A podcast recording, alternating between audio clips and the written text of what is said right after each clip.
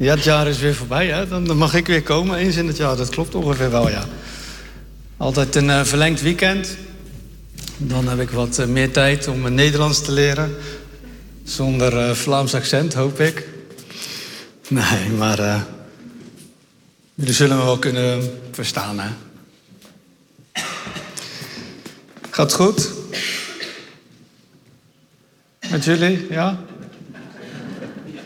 Oké. Met ons ook. We zijn, uh, voor de mensen die dat niet weten, wij zijn in oh, 2005 alweer uitgezonden naar België.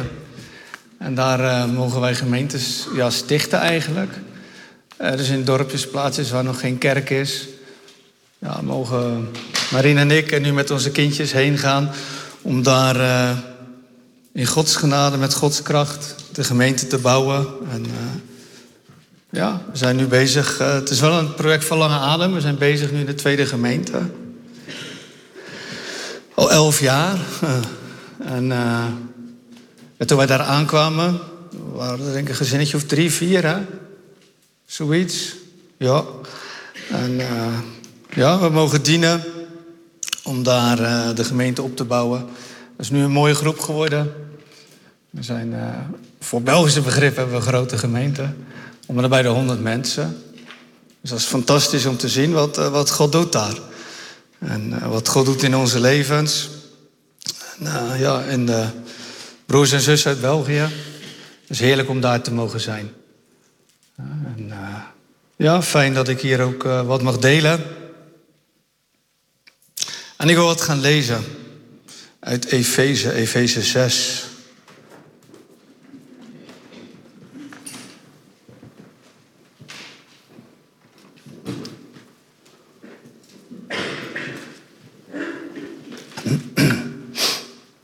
Vanaf vers 13 tot en met 18.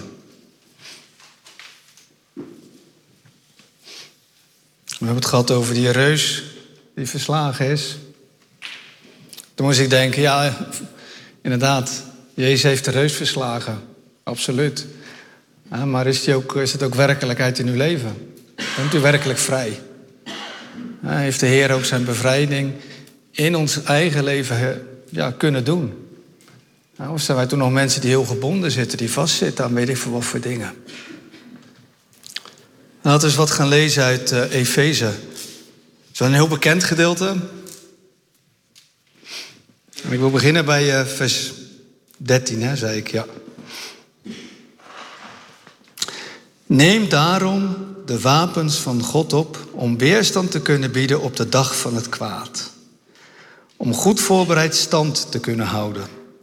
Hou stand met de waarheid als gordel om uw heupen, de gerechtigheid als harnas om uw borst, de inzet voor het evangelie van de vrede als sandalen aan uw voeten. En draag bovenal het geloof als schild, waarmee u alle brandende pijlen van Hem die het kwaad zelf is kunt doven.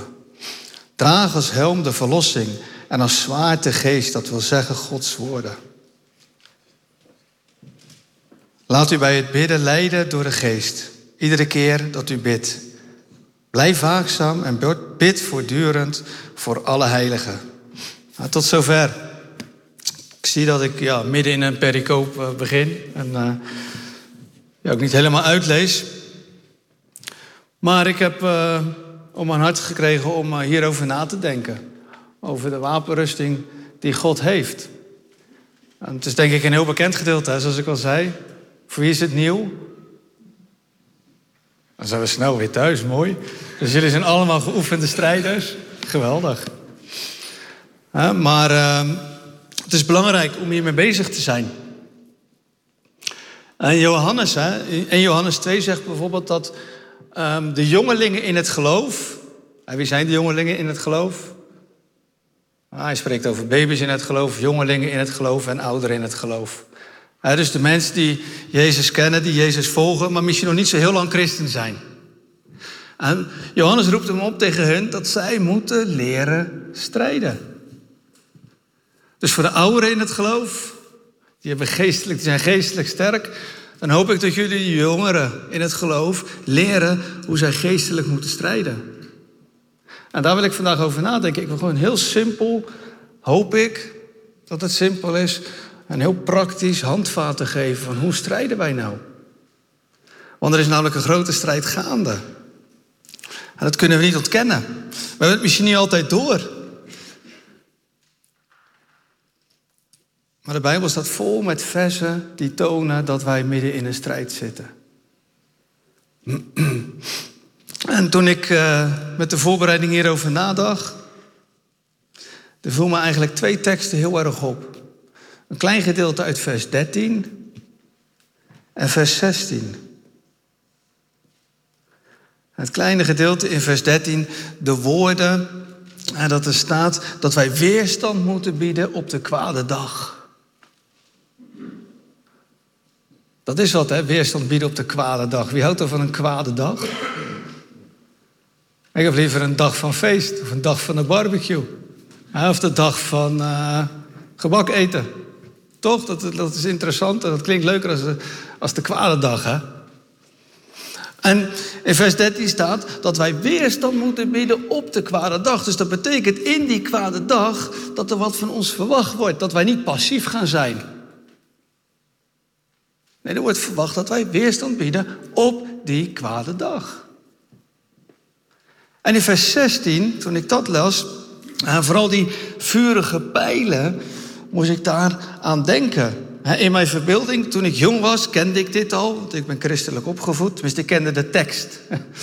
Ik zei niet dat ik de praktijk kende, maar de tekst uh, kende ik wel. En dan dacht ik altijd van, ah, die brandende pijlen, er is af en toe een pijltje zo, die de boze afschiet, zo ploek, naar jou en een pijltje naar jou. Uh, maar toen ik hiermee bezig was, dan zag ik echt in, in, in mijn verbeelding, denk van de Heer ontvang, ik zag echt een zwerm van pijlen. Er komt niet één pijl op ons af, af en toe, of twee, maar er komen er honderden tegelijk op ons af.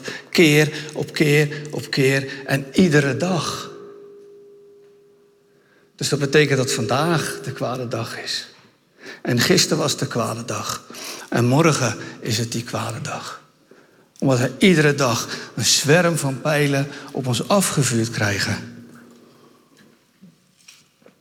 En de Bijbel roept ons op om waakzaam te zijn. Om actief te zijn en niet om passief te zijn. En dat hoop ik dat we na vandaag daar een stukje mogen groeien. Dat we actief zullen zijn. Maar zoals ik al zei, de Bijbel spreekt veel over die strijd.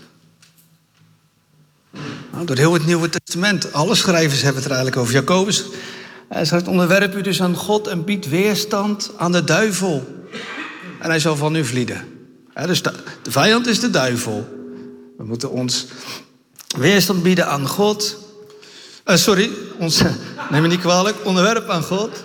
En weerstand bieden, dat vraagt weer die actie aan de duivel. En hij zal van ons vlieden. We gaan hier nog wel eens op terugkomen. En Jacobus zegt ook, weet je niet dat vriendschap met de wereld vijandschap met God is? Zo weer heel simpel, twee partijen. En 1 Johannes 2 zegt dat heel de wereld in de boze ligt. Romeinen 12, vers 2 zegt het iets anders. Hij zegt, word niet gelijkvormig aan deze wereld, maar word vernield in uw denken. Er zijn twee kanten, twee dingen. Je hebt de vijand en je hebt de Heere, een God. En dat is een groot thema. En de Heer Jezus spreekt ook over dat thema. In Johannes onder andere, hè? Johannes 10. Dan vergelijkt hij de boze als een dief. En de dief die komt om stelen. En om te roven, om te vernietigen, om kapot te maken. En dat bedoelt hij jouw leven, hè? Hij is gekomen om ons kapot te maken. Dat is de vijand. Daarom is het zo belangrijk dat wij leren strijden. En de Heer Jezus zegt twee hoofdstukken eerder, dan zegt hij over die vijand van, hij is eigenlijk de vader van de leugen. Dus dat betekent alles wat hij zegt is leugen.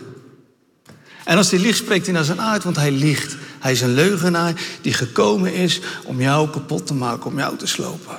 Om je gezin kapot te maken, om je huwelijk kapot te maken, om de maatschappij kapot te maken. En dat is de realiteit waarin we vandaag staan. Iedere dag opnieuw. En de Bijbel leert dat hij actief is, hè? als een briesende leeuw. En dan kunnen wij misschien heel passief zijn. Wow. Het is zo gezellig. We zijn zo misschien zo passief. Maar misschien zijn we heel actief. Ik weet niet hoe u bent in de strijd. En wat ik heb na te denken van, ja, de boze is gekomen om te stelen. Stel je voor, er wordt bij u ingebroken. En dan komt de dief en die stilt wat weg. Hoe kan je weten dat die, voor, hij breekt heel netjes in, je wordt de volgende dag wakker of je komt thuis. En eigenlijk ziet alles er nog perfect uit. Eh, je had per de deur opengelaten. Maar toen hij wegging, heeft de dief de deur weer helemaal mooi dicht gedaan. Hoe kan je dan weten of er iets gestolen is?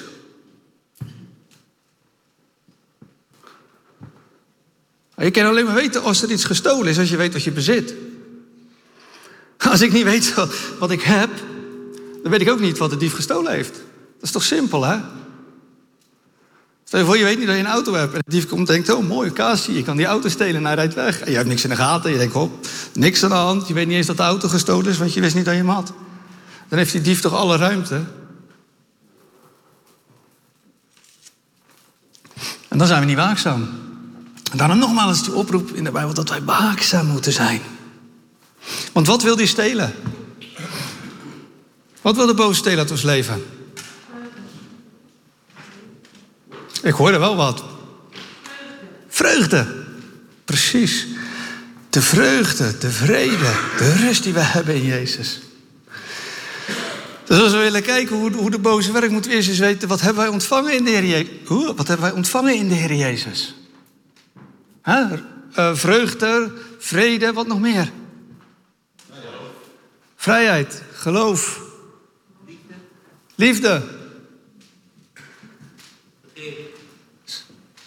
Vergeving? Ja. Wat nog meer? Ik hoorde iets, maar ik hoorde niet wat. Maar het zal goed zijn. Wij zijn zo onnoemelijk rijk in de Heer Jezus Christus. De Bijbel zegt dat wij gezegend zijn met alle geestelijke zegeningen. Wij zijn gezegend, lieve mensen. We zijn vergeven. Wij hebben het eeuwige leven. Wij zijn geliefd. We zijn gewild. We zijn, zijn kinderen van God. Wij hebben familie. We zijn geen wezen meer. We hebben een huis. Wij zijn geheiligd, gerechtvaardigd. Vrede met God. Al stormt het buiten. Maar ik heb de vrede van God in mijn hart. Eeuwig leven, zingeving. Noem de dingen maar op. Wij zijn zo ontzettend rijk in Christus. We hoeven ons geen zorgen te maken. We mogen staan in geloof, in blijheid, in de. Ik vind dat zo mooi, die vreugde. Ik kan het niet begrijpen. Petrus, hè, die schrijft naar de gemeente daar. Of tenminste, hij schrijft naar ons, maar natuurlijk nu. Hè, hij schreef eerst naar die gemeente daar. En dan spreekt hij over de onuitsprekelijke vreugde van de christenen. Daarom dat zij Jezus leren kennen. En ze worden vervolgd. Maar er is een onuitsprekelijke vreugde. En dan kijk je misschien zo, ja, ja, ja, ja. Kijk, als je weet wat je kan hebben, dan weet je misschien ook gelijk wat de duivel geroofd heeft. Want als wij die onuitsprekelijke vreugde niet kunnen begrijpen, dan heeft de duivel dat geroofd. En je weet het niet eens en je leeft lekker door. Ja, toch? Want dat doen die brandende pijlen. Die brandende pijlen uit vers 16, die zijn zo gevaarlijk. Die pijlen die hij op ons afschiet. En als we niet goed beschermd zijn, dan heeft een pijl, als die mij raakt, heeft gevolgen in mijn leven. En dan kan ik bijvoorbeeld uh, mijn geloof verliezen in ongeloof. Of ik was vroeger heel actief, maar ik ben nu zo passief. Of ik ben bitter geworden. Ben teleurgesteld, depressief. Misschien voel ik me helemaal afgewezen. Of ik ben super egoïstisch. Ik ben bezorgd. Ik leef in zorgen. Maak me overal druk om. Mijn vreugde is weg. Ik ben verdrietig. Hè? Wat ik was een depressiviteit. Er zit alleen maar wat die stilt wat je hebt in Christus, maar ook wie je bent in Jezus. Je voelt je alleen, niet geliefd, misschien vind je eigen lelijk. Of je eigen dom.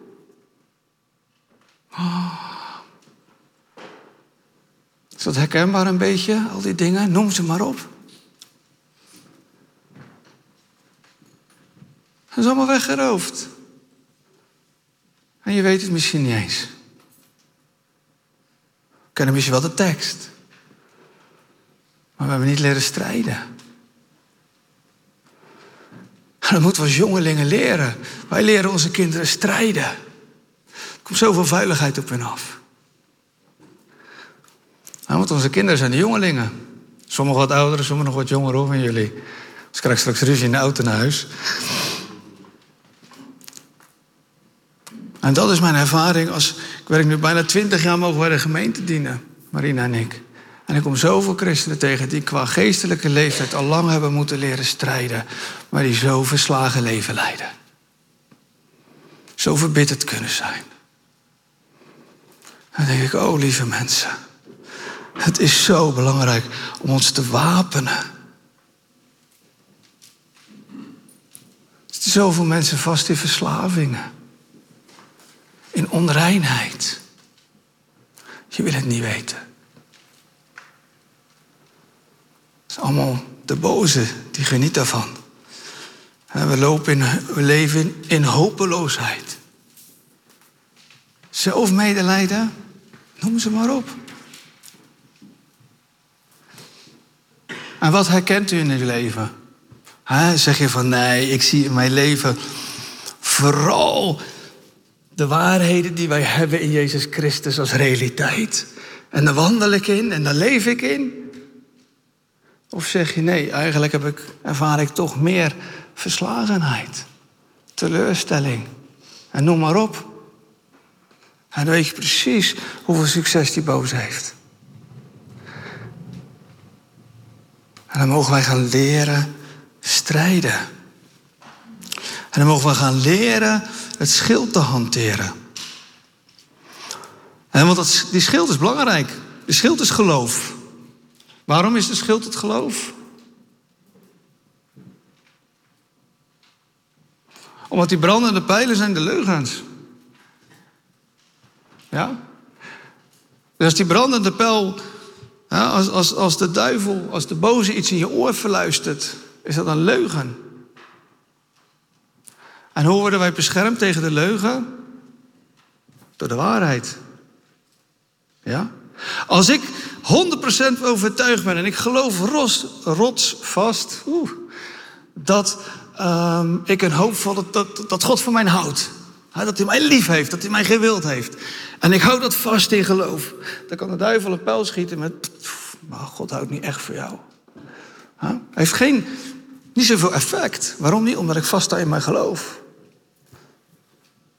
Maar als ik juist dat anderen ga geloven... dan vallen we. Dus zo'n pijl kan uitwerking in ons leven hebben, alles wat de boze influistert. En hij kan ons hart bereiken door geloof. Als wij dus de leugen geloven die hij in ons oor verluistert, heeft hij toegang tot ons hart en dat beïnvloedt ons leven. En als je niet uitkijkt, regeert bijna weer de zonde in mij of de verslaving in mij of wat dan ook. En ik mis de vrijheid in Jezus. En de rust en de vrede van Jezus in mijn leven.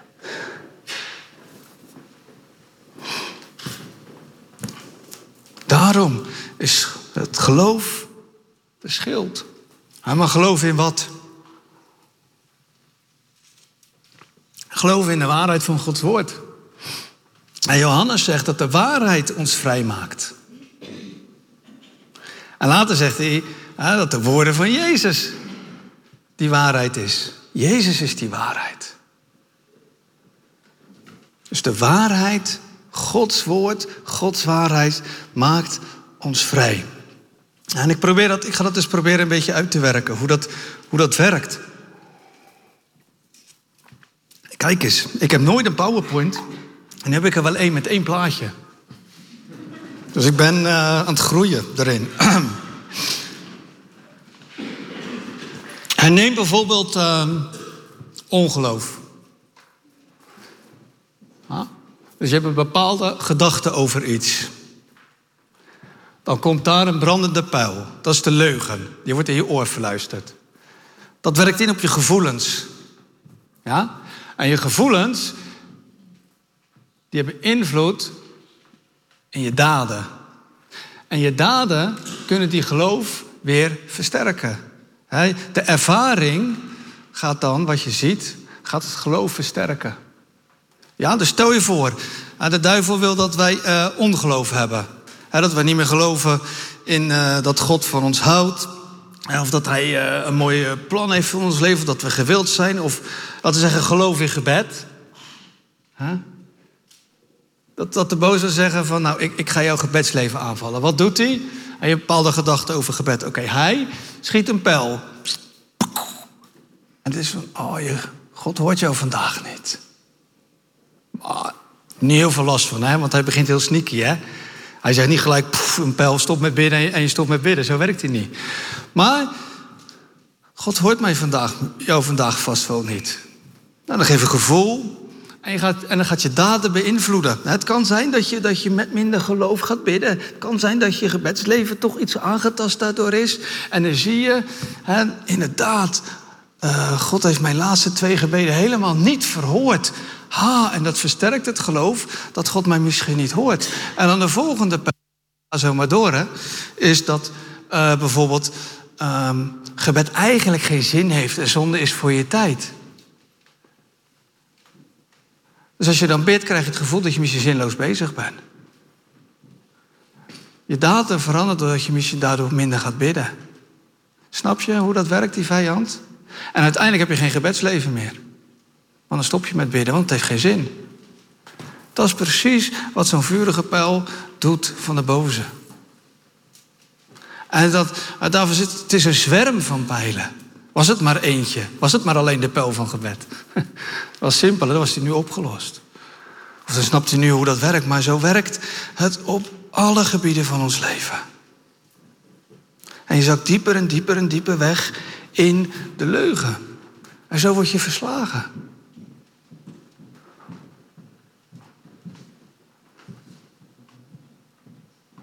Hetzelfde geldt voor negatieve gedachten. Er zijn zoveel mensen die negatieve gedachten hebben. Negatief over de maatschappij. Negatief over God. Negatief over de kerk. Negatief over de zanggroep. Negatief over broers en zussen. En dat is allemaal begonnen in je denken. Weet je dat? Het is allemaal binnengekomen in je gedachten. En allemaal leugens van de duivel.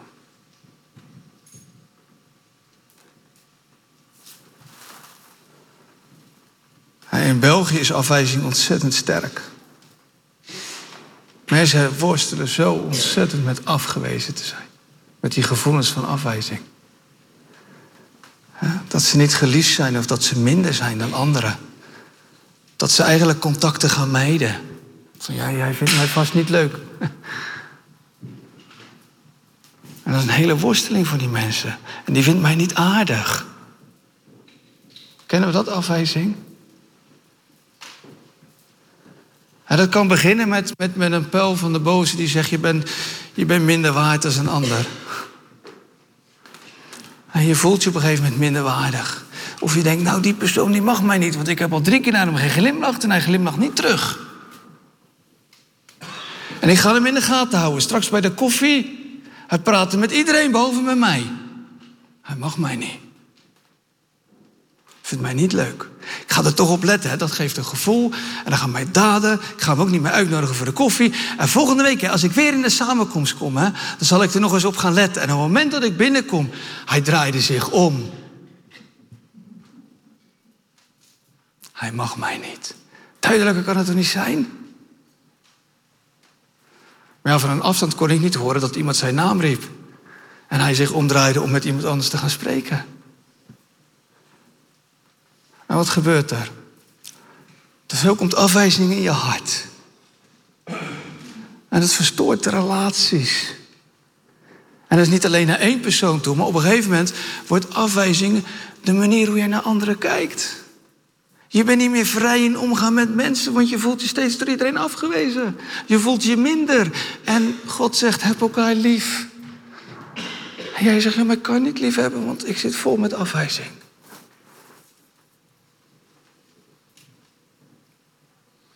Zo werkt dat.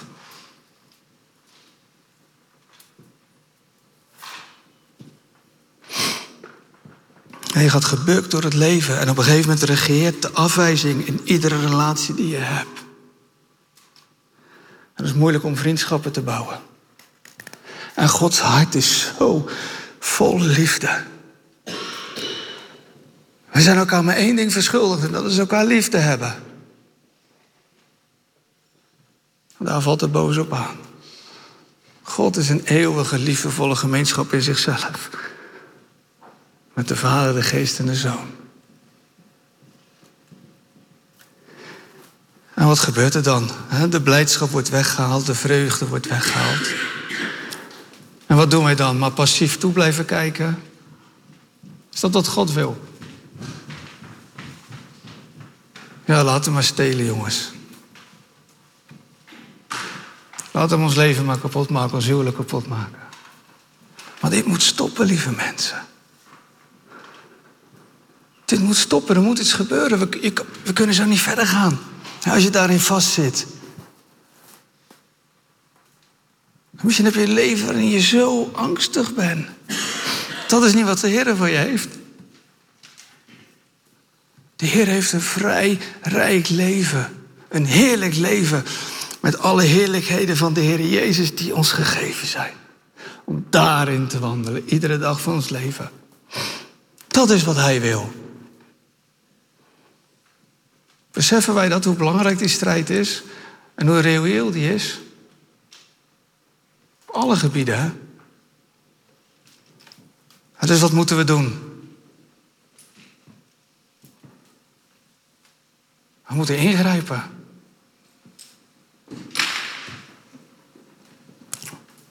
En hoe zouden we kunnen ingrijpen? Door het schild te gebruiken.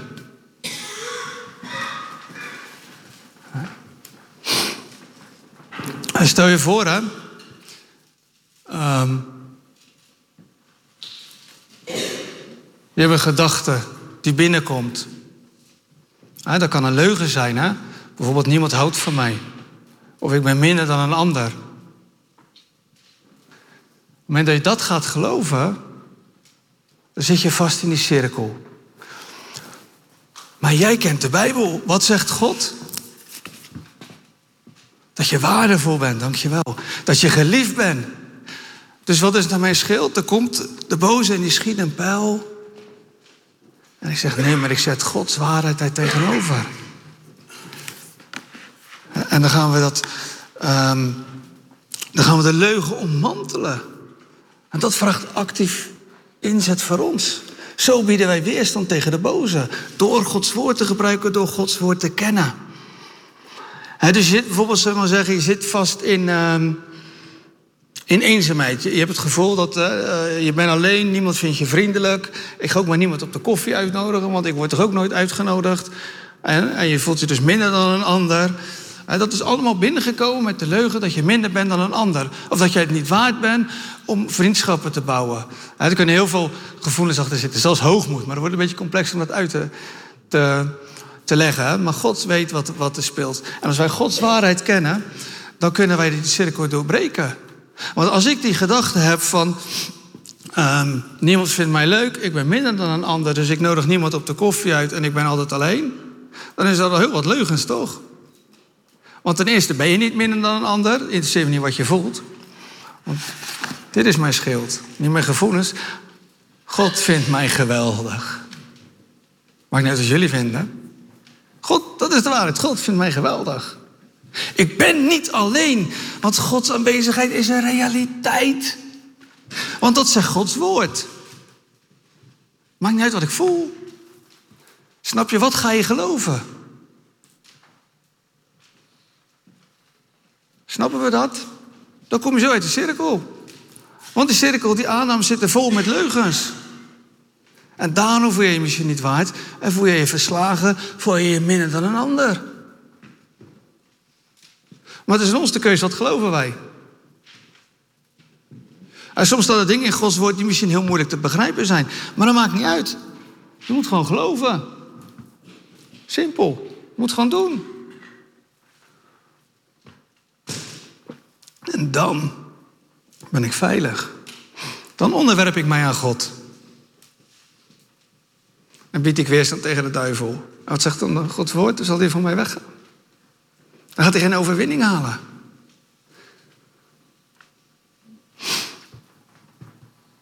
Het is nogmaals, wat geloof je? Welke waarheid geloof je? En wat moeten we doen? En dat is belangrijk. Want er zijn eigenlijk gewoon bepaalde stappen die we kunnen nemen. In ieder voorbeeld.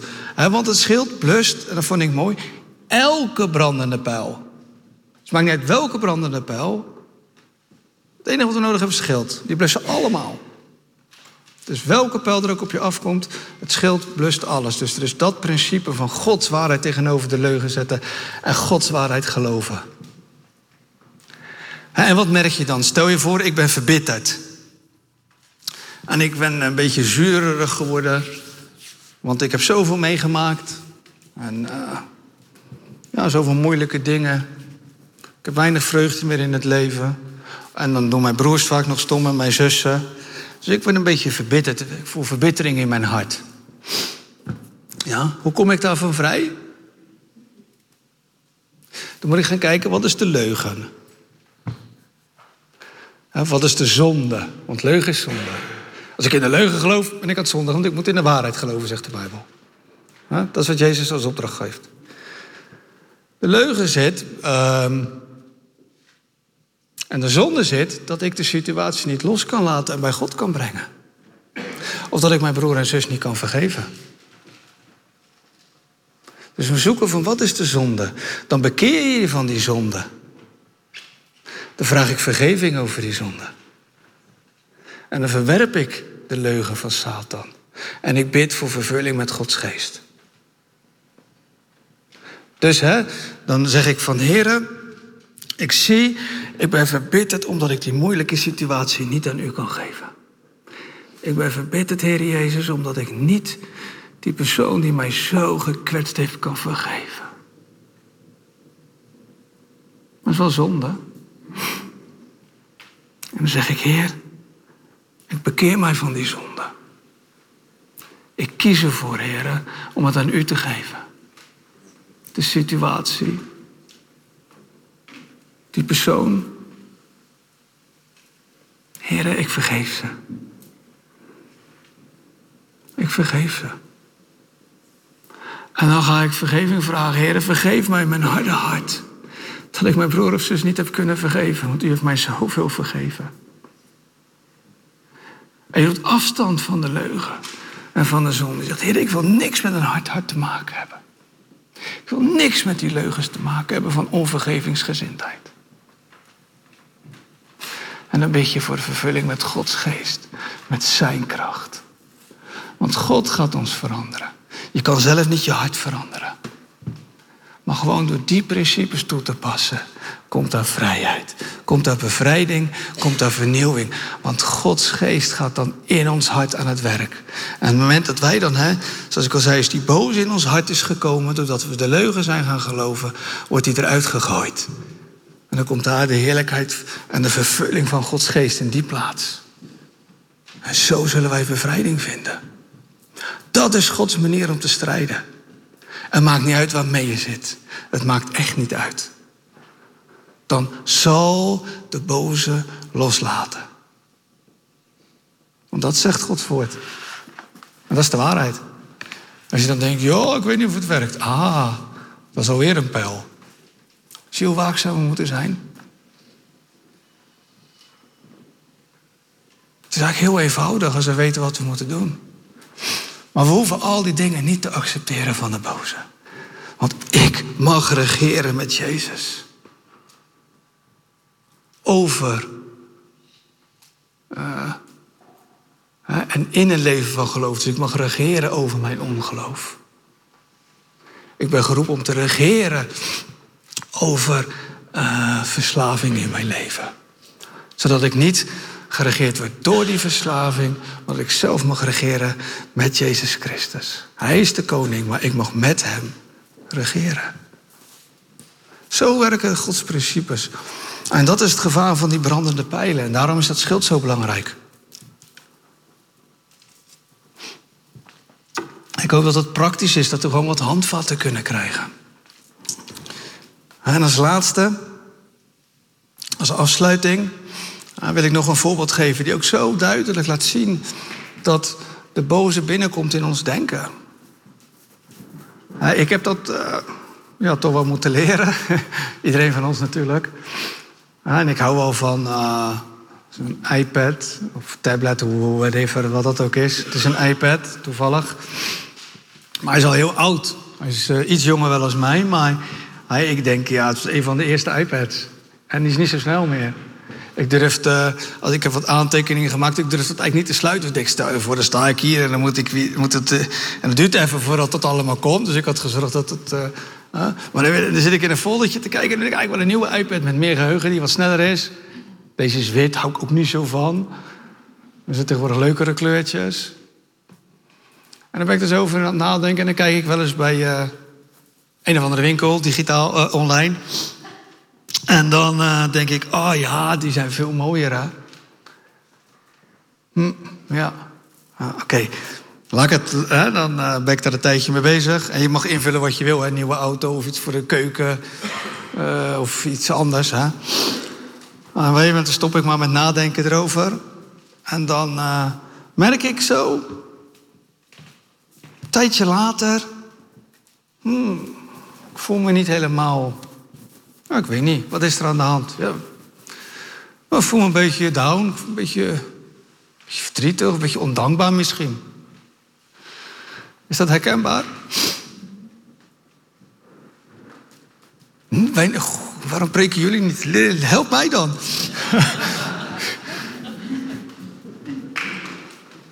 Zie je wat er gebeurt? Brandende pijl, mijn iPad is niet goed genoeg.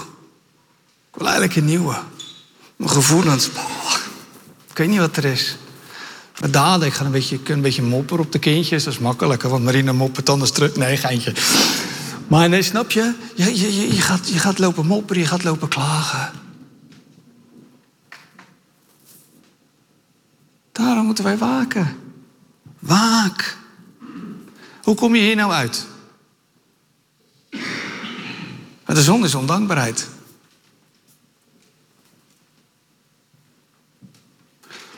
En als dan uh, Jacobus zegt, hè, onderwerp u aan God.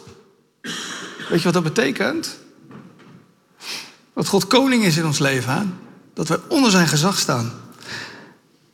Dus als dat komt, dan denk ik, oh, Filippenzen 4, vers 4 tot en met 8.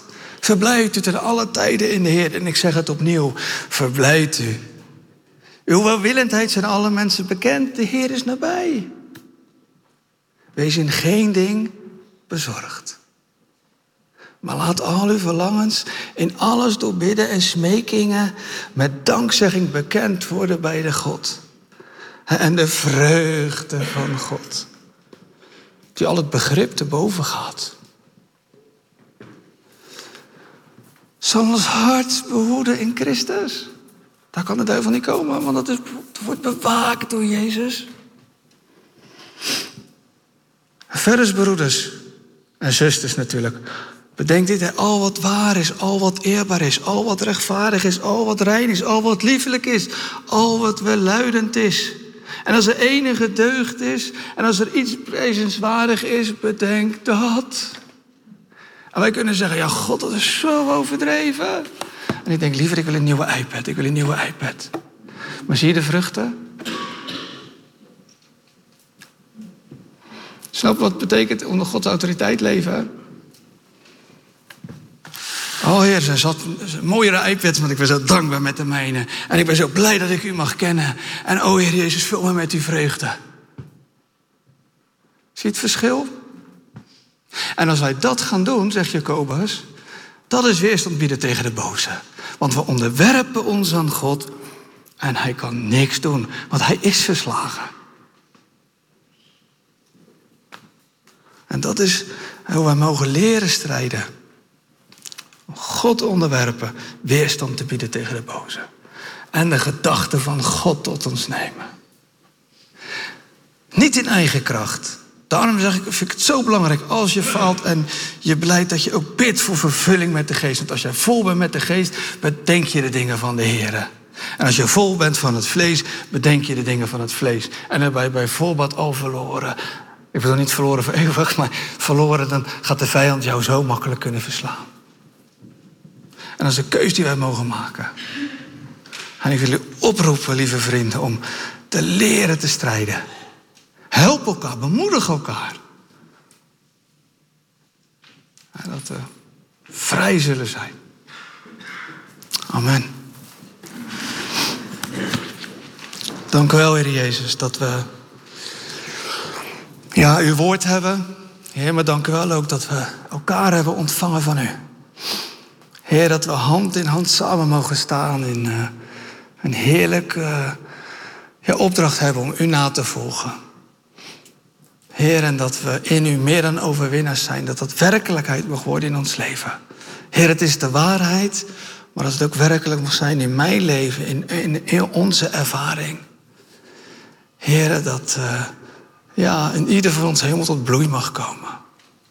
Heer, en uh, ja, zegen ons allemaal, Heer, en zegen deze gemeente. Amen.